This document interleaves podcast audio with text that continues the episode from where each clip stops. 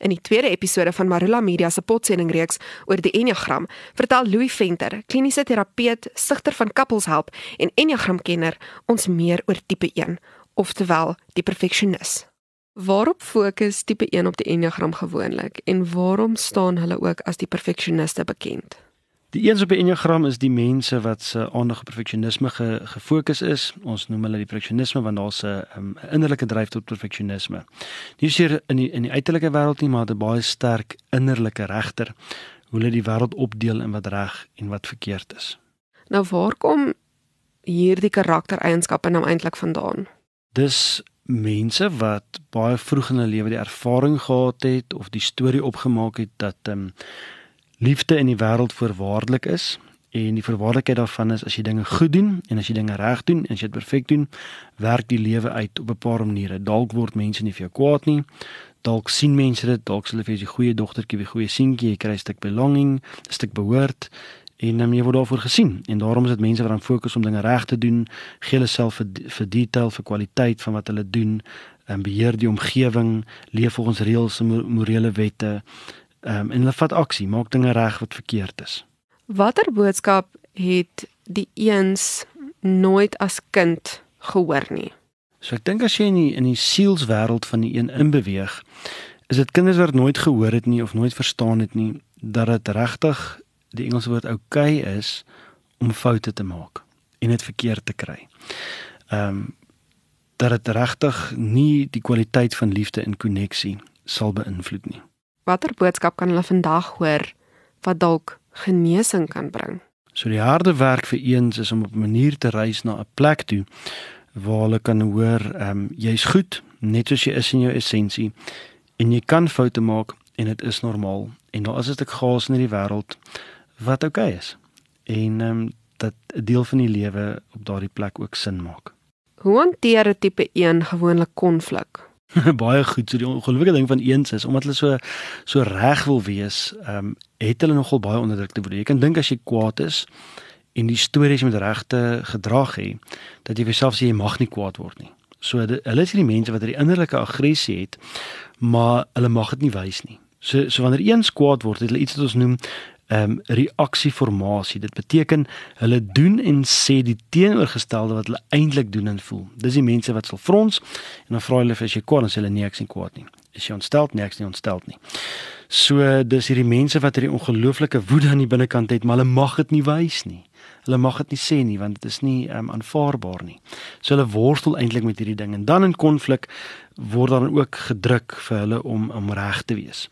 Dis vir hulle baie moeilik in konflik om te sê goed, ek is verkeerd. Hulle sal baie keer sê jammer, maar. En ek weet baie persoonlikhede doen dit, maar die motivering vir hierdie persoonlikheid is omdat om verkeerd te wees so gevaarlik is dat hulle um, alles in hulle vermoë sal doen om te sê ek het dalk bietjie verkeerd gekry, maar ek is ook nie heeltemal verkeerd nie.